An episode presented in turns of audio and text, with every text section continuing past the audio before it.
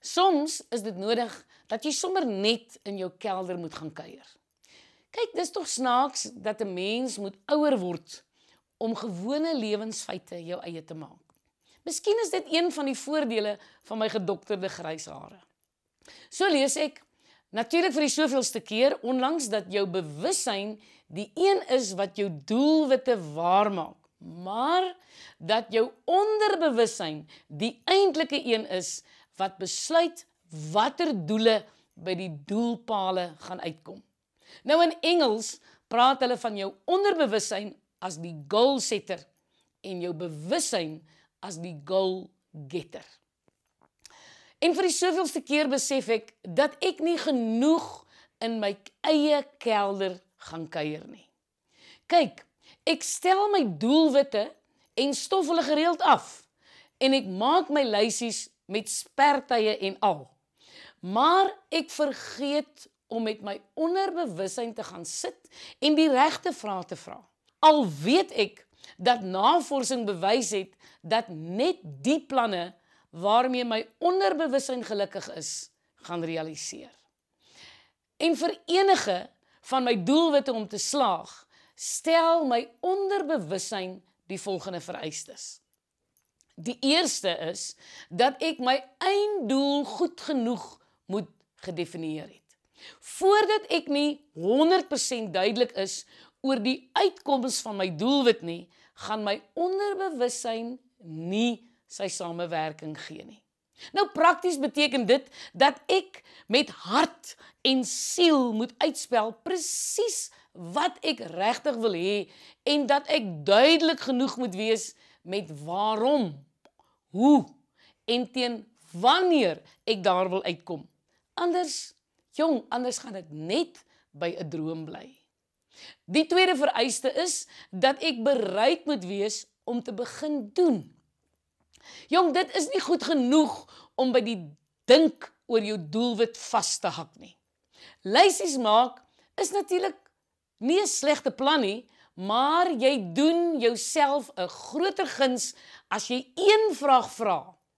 Wat is die eerste ding wat ek nou kan en moet doen om my in die regte rigting van my droom te beweeg. En dan, man, dan gaan doen jy dit. Jy gaan doen dit en jy wys vir jou onderbewussyn dat jy ernstig is oor hierdie doelwit.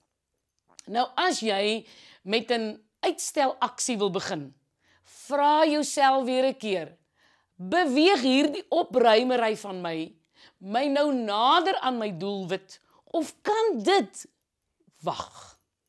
En dan die derde hulpmiddel is om jou sintuie in te span. Jy moet sien, jy moet hoor, jy moet ruik en besef dat hoe jy jou droom verwesenlik. Jy moet dit basies sien gebeur voordat dit gebeur. Doen dit gereeld en lê dan so die breinbane vas. Jou onderbewussyn gaan jou beloon deur met nuwe planne na vore te kom terwyl jy sommer slaap in die nag, sal dit jou inspirasie vuur wees om jou aan die gang te hou. Onthou, onthou jou brein maak nie 'n verskil tussen ware en verbeelde gebeure nie. Hy reageer op boodskappe wat jy vir hom stuur en help op die manier om verbeelde dinge waar te maak. Nou, die volgende feite het te maak met ons vrees vir verandering ook jou onderbewussyn gaan jou probeer ooreed dat dit veiliger is om in jou gemaksone te bly en gaan boodskappe van twyfel oor hoe jy dit gaan regkry na boontoe laat kom. Moenie moenie terugsla as mislukkings beskou nie. Aanvaar dit as deel van die proses en van jou voorbereiding. Wanneer jy sien dat jou nuwe manier van doen aangepas moet word.